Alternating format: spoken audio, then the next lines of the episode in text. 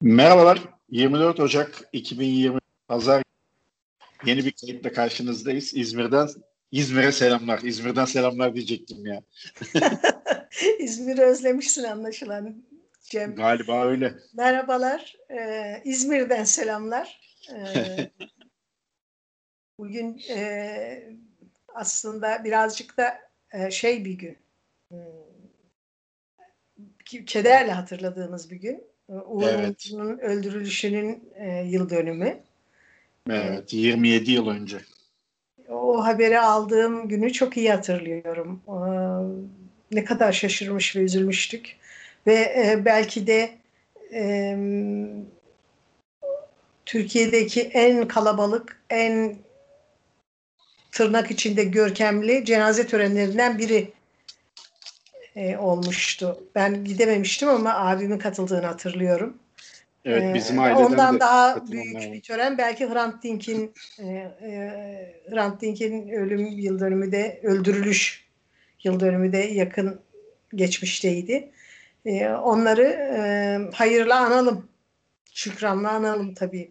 Ee, rahmetle evet. uyusunlar diyeyim. Şimdi tam şeyi de bulamadım. Yani, yani mekanları cennet katilleri e, ellerini kollarını sallayarak dolaşıyor hala. Öyle düşünebiliriz. E, haksız olmayız öyle söylemekte. Hı hı. E, ama evet e, huzur içinde uyumalarını dileyelim mümkün evet. koşullarda. Ee, Uğur Mumcu ile ilgili şunu söyleyeyim. O o kadar büyük. O zaman tabii ben 13 yaşında falandım 13-14. O kadar büyük bir etki bırakmıştı ki ben mesela o günü çok net hatırlıyorum. Hatta kayda girmeden bir, bir buçuk saat evvel teyzem aradı. Biz o gün ne yapıyorduk? Ben sizdeydim değil mi falan diye. O günü de öyle bir andık yani. O, o, evet. o yıllarda o gün anneannemle beraber bize gelmişti kalmaya. Ee, o günü öyle bir o şey üzerinden anı üstünden de anmış olduk kendi içimizde aile arasında yani ne yapmıştık ne etmiştik diye sonradan e, cenazeye katılanlar da olmuştu. Evet gerçekten çok büyük bir cenazeydi.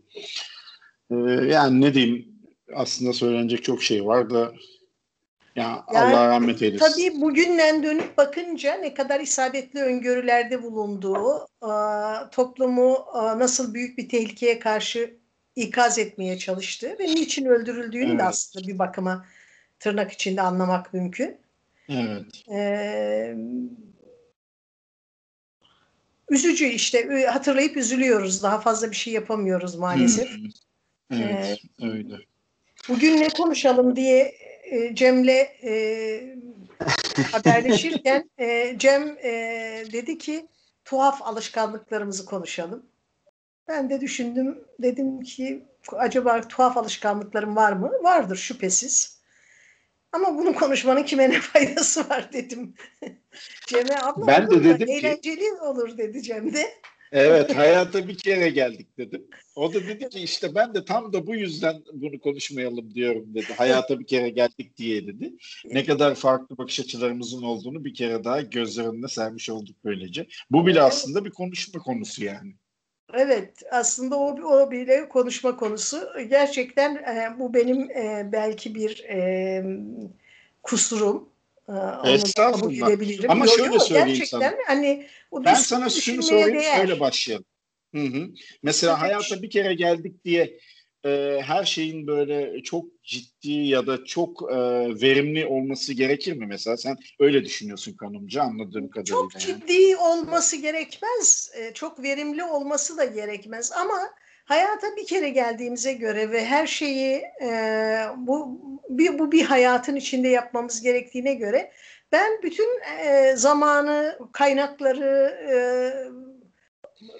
çok e, şey itinayla kullanmak, e, her şeye itinayla muamele etmek gerektiği gibi bir duygu içindeyim doğrusu.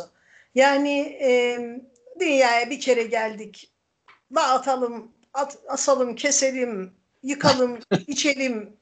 Bu da mümkün. Ama bana dünyaya bir kere geldik ve e, öğrenme, öğrenebileceğimiz her şeyi değilse de öğrenebileceğimiz çok şey var şüphesiz ama öğrenebileceğimiz kadarını, gücümüzün yettiği kadarını öğrenelim. Ee, hayata, insanlara, kendimize, çevremize sağlayabileceğimiz kadar yararı sağlayalım. Ne bileyim bir biraz şey fazla bir sorumluluk duygusuyla taşıyorum galiba. Evet evet. o yüzden belki, ciddi dedim. Yani senin bakış açın bence kaynaklanıyordur bu. Çok küçük yaştan itibaren e, çok büyük sorumluluklar üstlenmiş olmamla ilgilidir. Böyle e, e, ziyadesiyle sorumluluk duygusu kuvvetli biriyim. Onu söyleyebilirim. hani böyle biraz sorumsuz olmak da iyi olabilir aslında. Ara sıra yani. Yani evet ara sıra fena olmaz. Yani her şeyi unutmaya çalışmak bence çok da kötü değil. Bazen öyle ufak tefek kaçamaklara zihnimizin ihtiyacı olabilir yani. Kesinlikle haklısın. Çünkü kendime, e, ödev, kendime ödev veriyorum. Böyle e, e, soru he, hayat durmadan sorumluluk duygusuyla yaşanacak bir şey değildir. E, ara sıra küçük sorumsuzluklar yapmayı öğreneceğim. Bunu kendime ödev olarak veriyorum. Çünkü şöyle bir şey var. Hmm, yani fiziksel yorgunluk uyuyup uyanınca ya da dinlenince geçiyor da o zihinsel yorgunluk geçmiyor. Yani onun e, ondan kurtulmanın başka herkesin kendince yöntemleri var tabii. Senin de vardır eminim. Benim de var. Aa, şüphesiz. Ama şey tabii bu zihinsel e, yorgunluğu e, gidermenin, geçirmenin e, yolu ille de eğlence ya da e, sorumsuzca davranmak e, değil. Daha evvel söz etmişimdir Cem, da, e, rahmetli e, hocam Profesör Orhan Kaya'dan. E, benim e, işte e, 17 ila 21 yaş arası sonra da tekrar e, 28 35 yaş arasında e, hep Orhan Hoca'nın etrafındaydım. İlkinde lisans ve yüksek lisans öğrencisi olarak onun yanında staj yaptım, bitirme tezimi yaptım, yüksek lisans tezimi yaptım, danışmanımdı. Ee, daha sonra e, gittim başka bir şehirde bir süre çalıştım. Sonra döndüm onun danışmanlığında doktoramı yaptım. Ve ben Orhan Hoca'yı boş boş otururken hiç görmedim. Orhan Hoca bir din, değişik işler yaparak dinlenirdi. Yani okumaktan e, gözleri yorulur, e, mektup yazar diyelim. O zamanlar mektuplar yazılırdı. Daktiloda ya da elde e, ya da e, dosyalarını düzenler. E, ondan yorulunca e, ya da sıkılınca e, mikroskopta çalışır. Ondan sıkılınca başka bir şey yapardı. Fotoğrafları düzenler filan. E, ben tabii o zamanlar e, işte yani 17 yaşım, 18 yaşımdaki hallerimi düşünürsem gayet dağınık, hiç organize olamayan, zamanını düzenli kullanamayan, e, biriydim ama hocama çok hayrandım ve e, onun gözüne girmek istiyordum. Onun gibi olmak istiyordum. E, çünkü yani çok örnek biriydi gerçekten. E, dürüst biriydi, ilkeli biriydi. Ben de o çocuk yaşımda onu çok iyi bir örnek olarak görüyordum. Ve e, zannederim e, o zamanlar bunu çok iyi başaramamış olsam bile e, çok şey öğrendim ondan. Mesela şimdi e, şey e, kafamı dağıtmak için e, yorgun zihinsel yorgunluğumu gidermek için e, yine başka bir şey yaparım. Dikiş dikerim, işte takı yaparım, e, bir kolyeyi bozar başka biriyle birleştiririm. Evde böyle bir sürü alet edevatım var. Penselerim, iplerim, boncuklarım, inciklerim filan. e, işte şey son yıllarda böyle bu basit nakış şeylerine merak sardım. Daha evvel de konuşmuş olabiliriz. E, Japonların sashiko e, sanatı var. Bildiğin tel dikiş, basit dikişle bir takım desenler yapıyorlar ve giysileri e, süslüyorlar diyelim. E, şeylerin kata sanatı var. Hintlilerin yine öyle basit tel sayılabilecek e, dikişlerle e, e, motifler, desenler yapıyorlar giysilerin ya da ev eşyalarının üzerine battaniyelerin, minderlerin vesaire. E, Kızılderililerin, Latin Amerika'nın değişik kültürlerinin yine böyle basit dikiş teknikleriyle yaptıkları şeyler var. Sen onları e, bazılarını ufak ufak deniyorum. E, küçük şeyler yapıyorum ve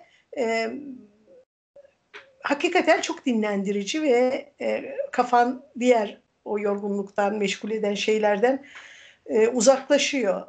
Bir de tabii benim o ölmeden önce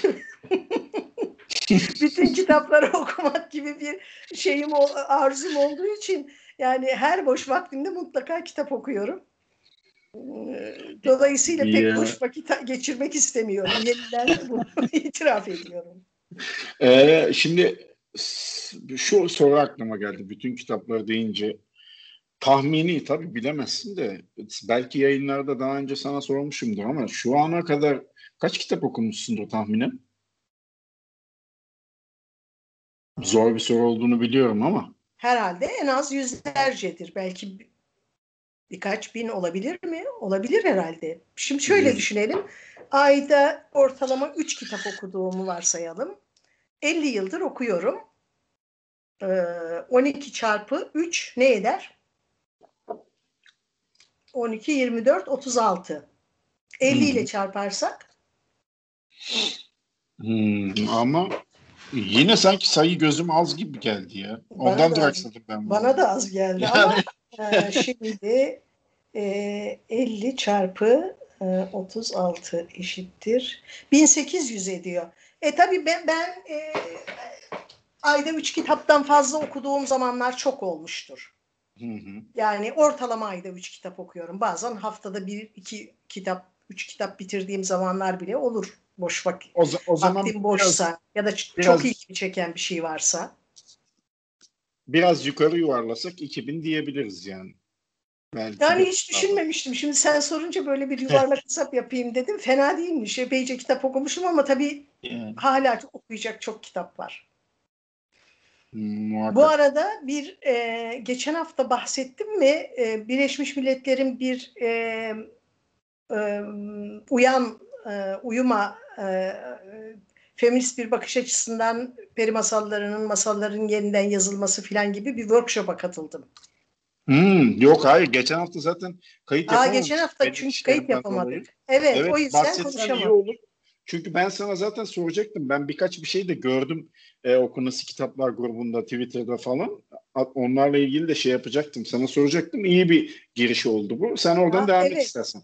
Ee, çok, çok sağ olsun. Ee, e, Buket Uzuner e, haber verdi. E, bir, bir mesaj yazmış. Çok nazik bir mesaj. Bu şeyi e, iliştirmiş duyuruyu. Ee, çok da kısa bir süre vardı. Bir gün sonra e, kapanıyordu başvurular. Ben de hemen yazdım. Çünkü uzun süredir aklımda dolaştırdığım bir masal var ama bir türlü onu yazamıyorum. Ee, yani benim e, kurguladığım bir masal, e, bildiğim bir masal değil. E, bazı yerlerini biliyorum ama her yerini bilmiyorum. Neyse o şeye başvurdum ve kabul edildi. E, sonra da iki gün e, geçen hafta e, iki gün dörder saat e, böyle dünyanın dört bir yanından kadınlarla e, işte Nijerya'dan, e, Arnavutluk'tan, Tacikistan'dan, e, Azerbaycan'dan, Avustralya'dan, Amerika'dan, İtalya'dan kadınlarla e, Zoom'da e, 8 saat toplam workshop yaptık. Ee, daha evvel de yapılmış bu çalışma ve bir kitap yayınlanmış. O e, Türkiye'den de e, katılan avukat e, çocuk kitapları yazan bir arkadaşımız adını şimdi hatırlayamayacağım. katılmış ve onun öyküsü de onun masalı da yayınlanmış orada. İşte daha evvel katılanlar ve oradaki ders verenleri dinledik bize bir takım yollar, yöntemler önerdiler. Birbirimizle konuştuk. Aklımızdaki şeyleri anlattık filan. Ve e, ben iki haftadır işte o bir buçuk haftadır o masalı yazmaya çalışıyorum. Biraz yazdım da. Sonra da e, biliyorsun benim bir yeğenim var Asya'm. E, en küçük kardeşimin kızı 10 yaşında. Asya'yı aradım ve Asya'ya telefonda görüşemiyoruz bir de Asya ile uzun süredir pandemi nedeniyle. Çok özlüyorum gerçekten yani böyle burnumda tütüyor. Ee, o gün de rüyamda gördüm onu. Daha küçükmüş filan böyle nasıl sarılıyoruz birbirimize, nasıl özlem gideriyoruz filan bunu da anlattım. Bana dedi ki halacığım ben e, masa şey rüyaların e, geleceği gösterdiği teorisine inanıyorum. Bence yakında görüşeceğiz. Vay. ya İyiymiş. Çok bilmiş bir velet ve çok tatlı gerçekten. Dedim ki şimdi sana masalımı anlatacağım. Ee, ve bana nasıl bulduğunu söyleyeceksin. Bugün tekrar konuşacağız. Ben ondan öneriler istedim. Ee, sonra anlattım. Bir ejderha var. İşte bir küçük kız var ki kı- kız e, e, küçük bir kız olmaktan ve kızlara yapılan muamelelerden pek hoşnut değil. E, işte na- nasıl bir hikaye olduğunu ona biraz anlattım ve e, şey dedi. Hala çok değişik. Böyle fantezi gibi olmuş, fantastik şeyler de var. Çok beğendim. Tabii ben böyle kula- çok e, onur oldum Asya'ya beğendirmiş olmaktan. Şimdi tekrar konuşacağız. Bakalım e, önümüzdeki haftada e, yeniden e, o workshop katılımcılarının oluşturduğu gruplarla e, yaptığımız şeyleri birbirimize okuyacağız. İşte birbirimize yardım etmeye çalışacağız, e, tartışacağız yaptıklarımızı. Çok heyecan verici benim için. İlk defa kendim bir şey yazıyorum. Yani masalları çevirdim, yeniden Türkçe masal diline uyarladım herhalde. E, bir sağda solda yazdığım işte e, kitapçılıkla ilgili, meslekle ilgili filan yazıları bir yana bırakırsak, böyle yaratıcı yazı anlamında e, neredeyse ilk defa bir şey yapıyorum. Çok heyecan verici. Şimdi Asya'dan da biraz kopya çekersem bakalım kendimi beğendirebilirsem Asya'ya e, olmuş diyeceğim tabii. E, ilk izlenim fena değil anladığım kadarıyla. Evet evet Asya'dan aferini aldım. Bence beni kimse tutamaz artık. Ya iyiymiş vallahi bir özellikle uluslararası bir şey olması bence daha da güzel yani o Ya. o kısmı en az konu kadar ilgi çekici. Aslında Cem e, tabii belki biraz da bunu da konuşabiliriz. Hı hı. E, hani şu pandemi sürecinde pek çok şeyin aslında e, uzaktan yapılmasının ne kadar mümkün olduğunu da gördük. Eskiden bir workshop yapılacaksa o workshop için duyurular yapılır. Sen kalkar başka bir şehre gidersin, yüz yüze konuşursun filan. E, şimdi Zoom diye bir şey var ve bu belki pandemiden önce de muhakkak büyük şirketlerde, e, kurumlarda filan kullanılıyordu bilmiyorum. Ama Vardı evet. Bizim hayatımıza pandemiden sonra girdi. E, mesela dün de e, dün de e, şey e, hmm, İngiltere'de bir arkadaşım var. Ya sen ha, yok tanımıyorsun pardon. Ee, Can karşılaşmış olabilir. Iris diye bir arkadaşım var. Iris Hmm. Alman ama uzun yıllardır İngiltere'de yaşıyor ve projeler yapıyor. Birmingham'da yaşıyor. Ben de bir toplantı için gitmiştim Birmingham'a ve orada m, rezervuar dedikleri böyle bir yapay göl var. Etrafı da böyle koruluk, ormanlık gibi. E, Birmingham bir, sanayi şehri. E, çok kozmopolit, böyle kalabalık, e, beton, e, çirkin Gri- binaların Evet. çok olduğu. e, Gri bir şehirmiş galiba öyle Efendim? diyorlar ben git. Gri bir şehirmiş sanırım öyle söylüyorlar. Sanayi şehri Ha, olduğu evet için. evet biraz öyle. E, işte ben Birmingham'a gittim. E, Londra'dan trenle geçmiştim e, Birmingham'a. Tren istasyonuna yakın bir oteldi. Otele vardım. Sonra Iris ilk varanlardan biriydim herhalde. Iris geldi. e, beni aldı ve dedi ki sana biraz şehri gezdireyim. Böyle bir parka gittik. Biraz çok kalabalıktı orası. İşte biraz yürüdük falan çıktık. Arkasından bir yerde galiba bir şeyler yedik. Sonra dedi ki rezervuara gidelim. Nedir rezervuar dedim. İşte böyle böyle bir şehrin içinde bir şey e, yakınında bir e, yapay göl. Birlikte oraya gittik ve orada çok enteresan bir şeyle karşılaştık. Böyle Balkan göçmeni olduğunu e, anladığımız bir grup insan vardı ve orada bir tören yapıyorlardı. Mayıs başıydı. Hıdrellez bile olabilir. Belki de Hıdrellez'i kutlayan e, romanlar, roman e, Balkan romanları falan olabilir. Tabii e, uzun boylu konuşamadığımız için detayları bilmiyorum ama e, böyle beyaz uzun e, bizim çocuklara giydirilen sünnet giysisine benzer e, beyaz uzun gömlekler giydirmişlerdi ayaklı yerlere kadar uzanan ama erişkin erkekler, genç delikanlılar. Sonra onları bir rahip olduğunu tahmin ettiğim biri e, gölün içinde suya batırıp vaftiz ediyordu filan ve ben de onlardan izin isteyip fotoğraflarını çekmiştim. Böyle bir Iris o rezervuara çok yakın bir yerde oturuyor. Ama yıllardır bir daha onlarla hiç karşılaşmadığını söylüyor. O bir, birlikte gittiğimizde karşılaşmışız. Hmm. Şimdi onunla ilgili bir proje yapıyor.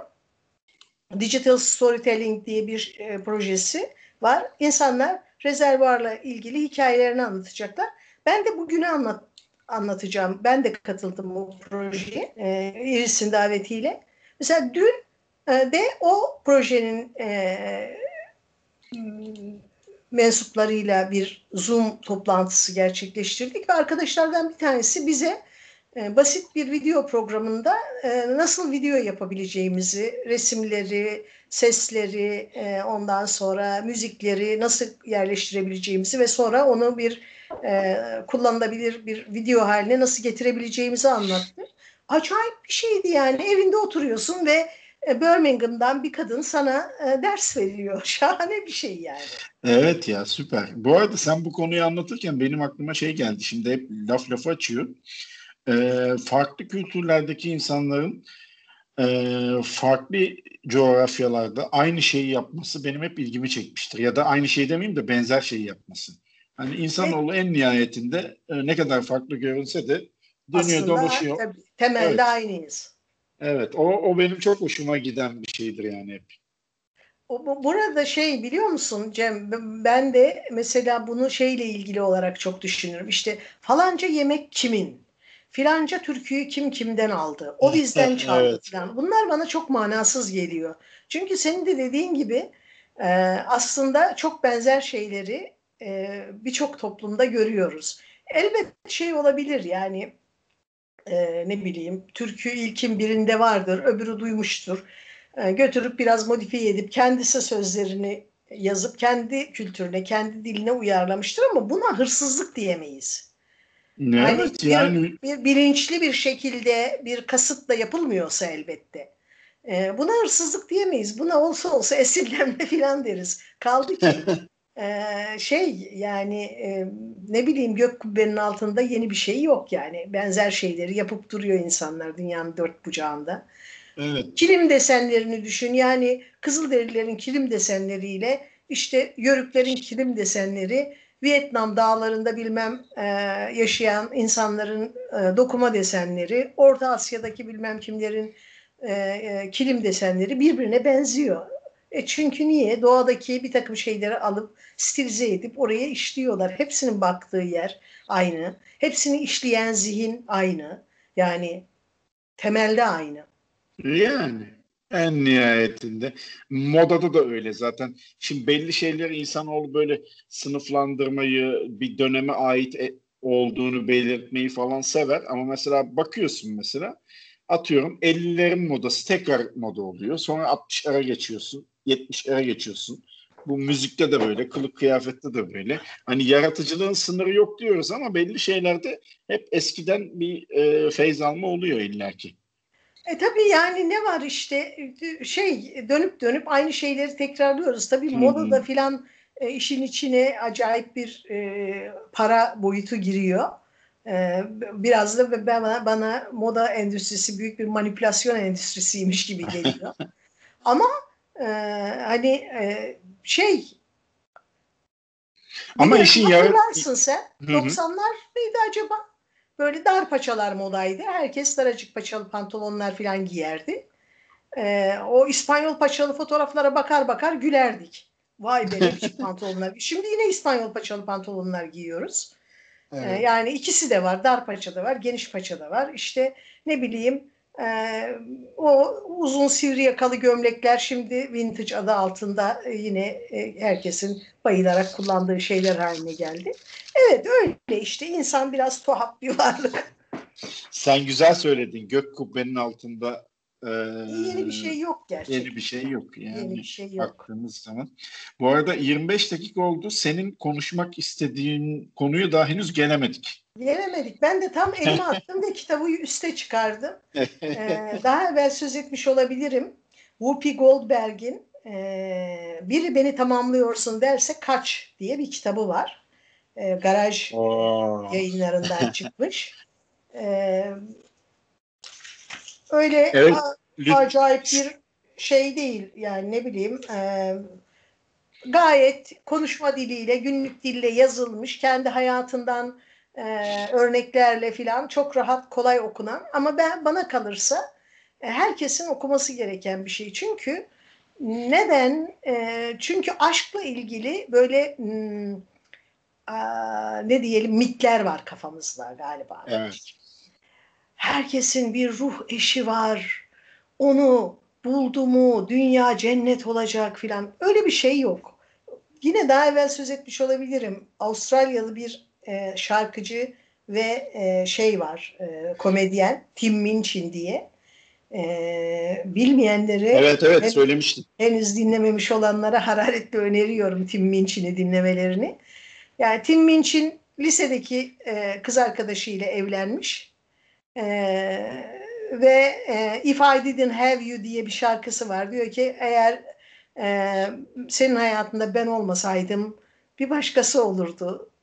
Beni sen bulmasaydın bir başkası bulurdu. E, bu aşkı hafife almak filan değil. Tam tersine e, Minchin'de e, şarkının ilerleyen kısımlarında e, birbirlerinin ruh eşi olmaları ihtimalinin ne kadar düşük olduğuyla başlıyor. Çünkü diyor Avustralya'nın işte e, kuş uçmaz kervan geçmez her yerden uzak bir e, kasabasında e, şu kadar kişinin devam ettiği bir okulda 6 milyarlık dünyadaki ruh eşimin benimle aynı sınıfa düşmüş olması ihtimali tabii ki pek yüksek değildi diyor. E, ama diyor sonra işte e, birlikte yaşadık, birlikte çok badirelerden geçtik, birlikte çocuk yaptık, zor günlerimizde birbirimize destek olduk, kavga ettik, neşeli zamanlar geçirdik. Seni çok seviyorum ve sen çok önemlisin benim için. E, tabii ki sen olmasan hayatımda bir başkası olurdu, beni sen bulmasan bir başkası bulurdu ama hayatımda sen varsın diye mutluyum diyor. E, öyle bitiriyor, öyle tarif ediyor biraz aşkı. Benim de e, anlayışıma yakın bir şey bu. Whoopi Goldberg'in biri beni tamamlıyorsun derse kaç e, söyleyişi biraz şeyi e, yani tamamlanmak için yarım olmak lazım. Değil mi? Eksik olmak lazım yani. Yarısın e, biri gelecek seni tamamlayacak. Ama seni tamamlayan biri yine kitapta da geçen bir cümle e, doğru hatırlıyorsam seni tamamlayan biri aynı zamanda seni yak- yıkmaya da e, muktedir. Yani o, o yarıyı çekip aldığında sen yıkılırsın. Niçin Ama- yarım olasın? Niçin biri gelsin seni?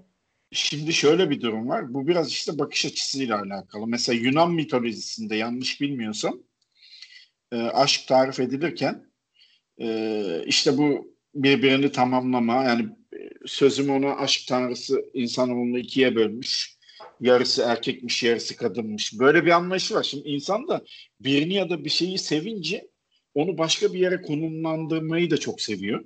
Şimdi bu ikisi birleşince bu tip söylemler artıyor ve e, şimdi bir ilişkinin içinde bunu söylersen e, ya çok fazla rasyonel olmakla karşı tarafın seni suçlama ihtimali yüksek. Ben mesela şunu da duymuştum. Whoopi Goldberg'in kitabının ismine yakın bir şekilde. Nerede okuduğumu hatırlamıyorum ama bir cümle vardı. Biri bana iyi geliyorsun diye söylerse kaç diyordu o da. Şimdi sen bana iyi geliyorsun diye bir laf da var mesela ama onu da mesela bir kesim sevmiyor.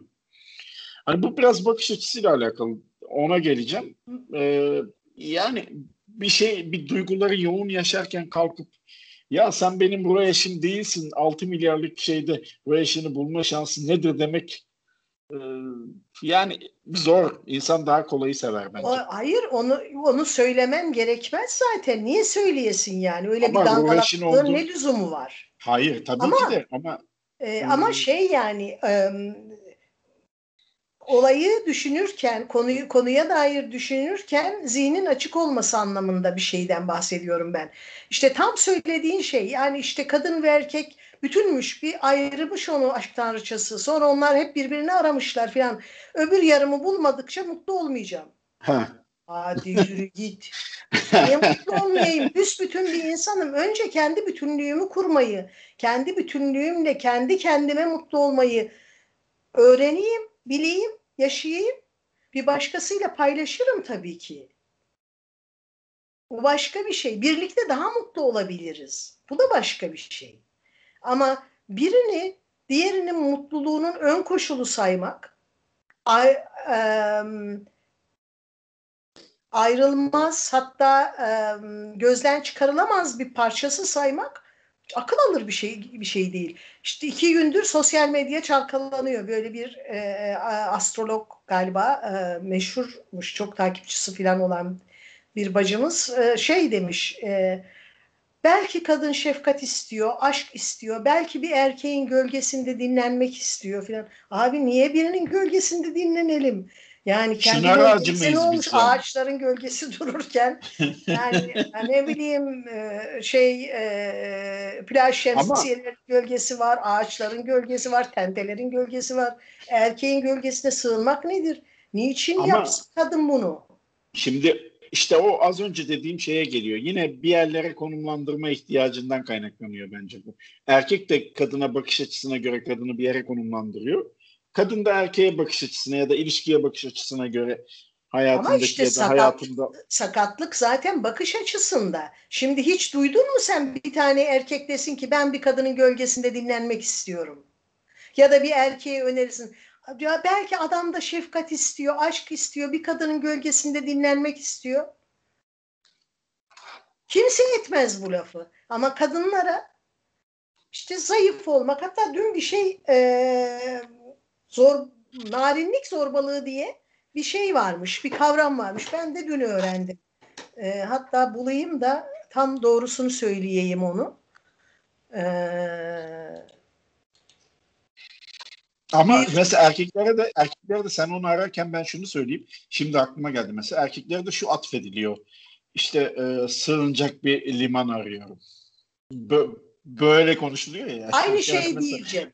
Aynı şey değil. Ya, Sandra Barty mevzu... diye bir e, felsefeci Mehmet Akif Koç var e, Twitter'da takipleştiğimiz e, şey e, kültür, e, e, sosyoloji, ekonomi, din e, gibi mevzularla ilgilenen genç e, ve e, çok ilginç e, şeyler e, konuşan, paylaşan bir arkadaş. Ben de ilgiyle izliyorum. Mehmet Akif dün paylaştı e, Sandra Barthy'nin literatüre, literatüre soktuğu bir terim kadınların narin ve zarif olmaları gerektiği yönündeki beklentilerin kadınlar üzerinde yarattığı baskıyı ifade etmek için kullanıyor, kullanılıyormuş. Şimdi sığınacak bir liman aramak başka bir şey, birinin gölgesinde dinlenen gölge başka bir şey. Yani liman kocaman bir şey.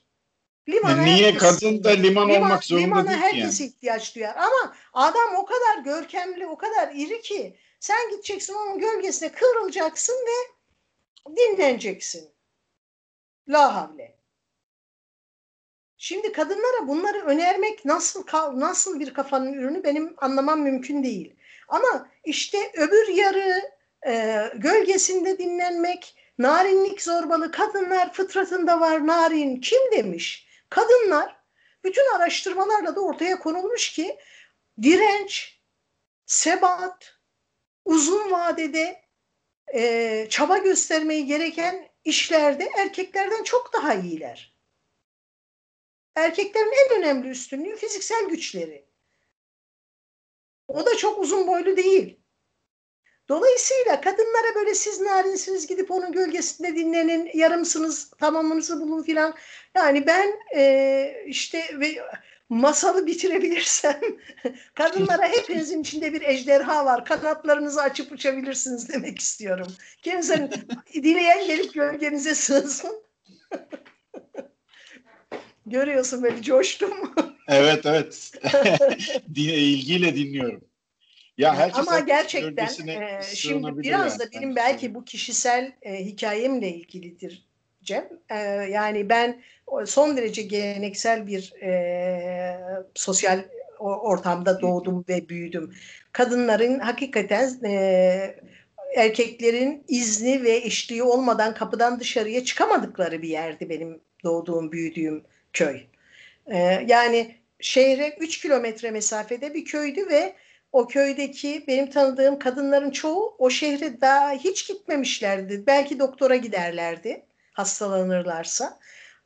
öyle canları istedi alışverişe gidecekler falan asla öyle şeyler söz konusu değildi. Ve e, benim okula gitmem büyük bir olay oldu yani. Kız çocuğu tek başına gidecek gelecek kız okuyacak da ne olacak filan. Dolayısıyla ben bu kadınlara yönelik bu türden ayrımcı ve şeyi de biliyordum yani. Nitekim e, işte ben 10, 13, 14 yaşındayken ailem çok talihsiz bir takım şeyler yaşadı. Ailenin erkekleri memleketten çıktı gittiler ve ben o yaşımda ailenin bütün dışarıdaki işlerini hallettim. Bankalardaki, postanedeki, devlet dairelerindeki, mahkemedeki o küçücük yaşımda bir sürü şey yaptım. Kim birçok oğlan çocuğu yapamaz. Dolayısıyla böyle bana narinlikten, kırılganlıktan bir de yani bu yeryüzünün bütün çilesini kadınlar çekiyor. Bütün yoksulluğunu, yoksunluğunu, acısını sonra kırılgan olan da kadınlar oluyor. Ha vallahi ağzımı bozacağım yani. Küfür edeceğim etmiyorum ama. Kendimi tutuyorum. Yani niye kadınlar narin olsun? Kim demiş? Ağzınızı toplayın. Ne narin sizsiniz. Böyle demek istiyorum. Na, narin babandır falan.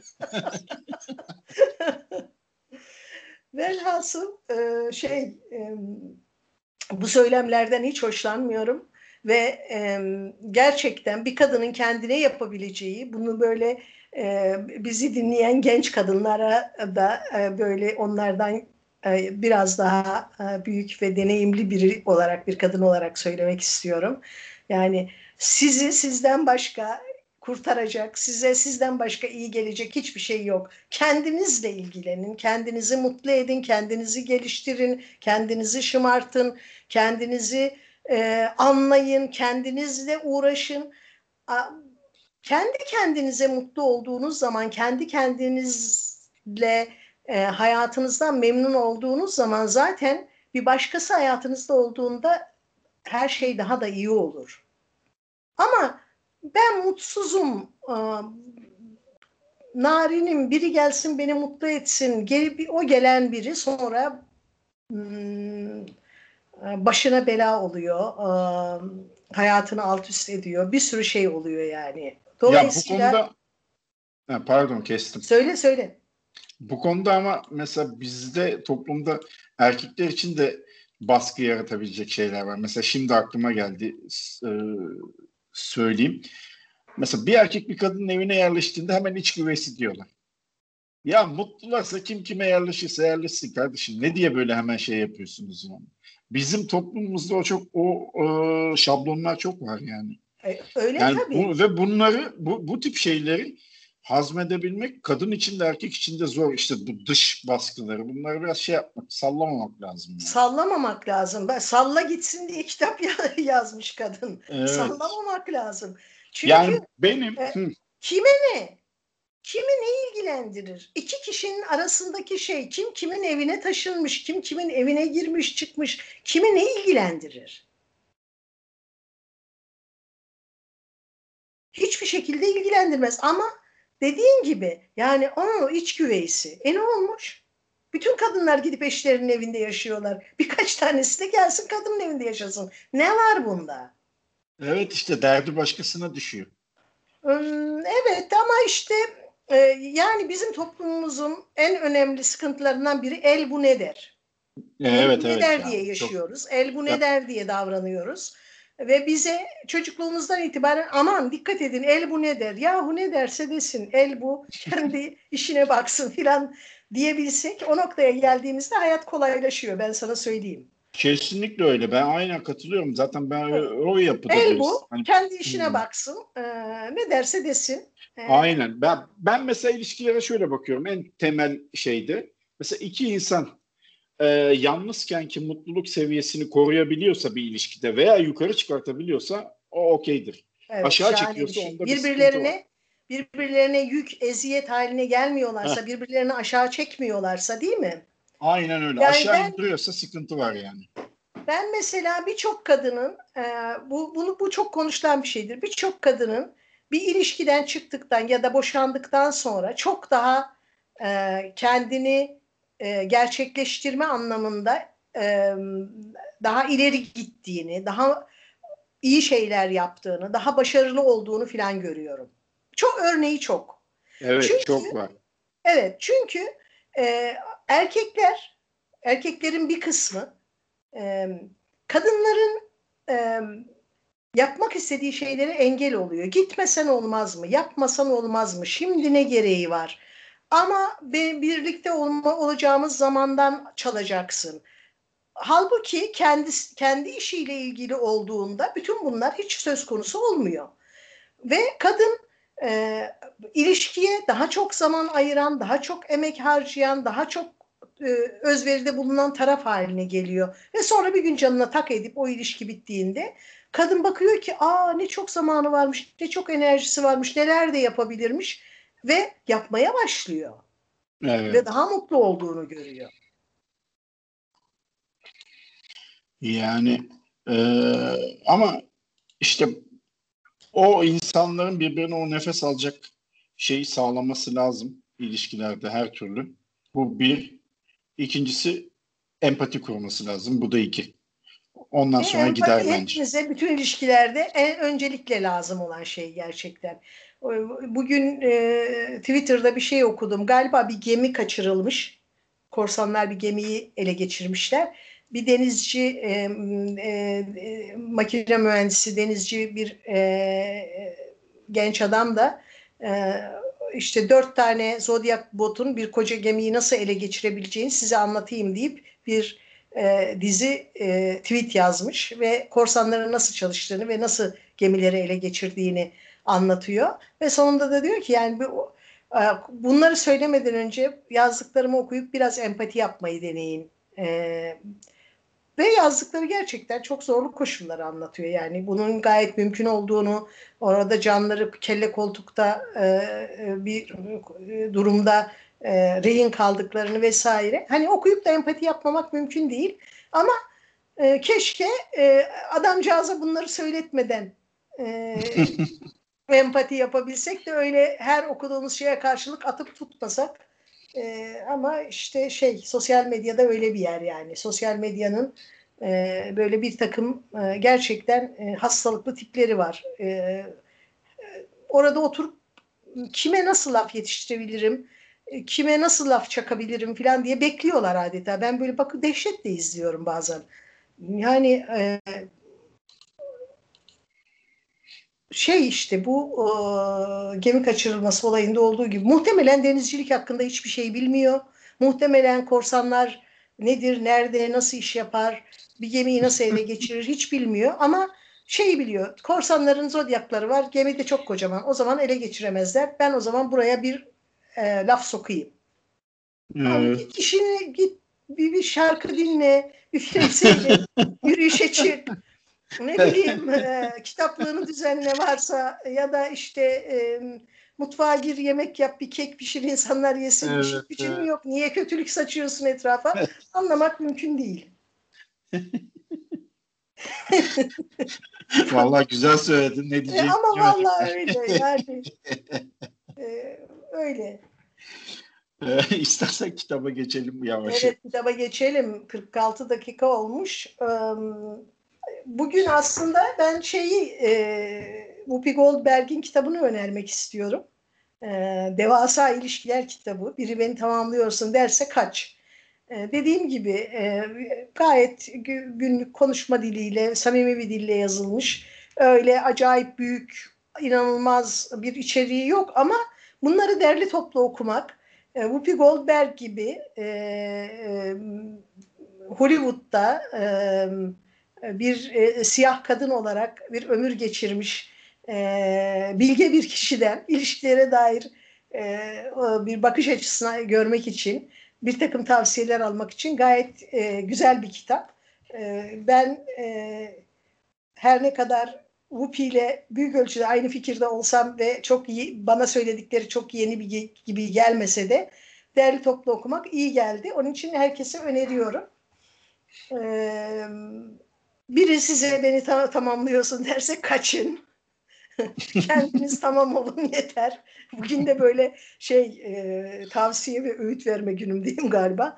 Estağfurullah tabii kimseye tavsiyede e, ya da öğütte bulunmak e, haddim değil ama işte ben ben de kendi bildiklerimi söylüyorum yani kendime doğru gelen şeyleri söylüyorum.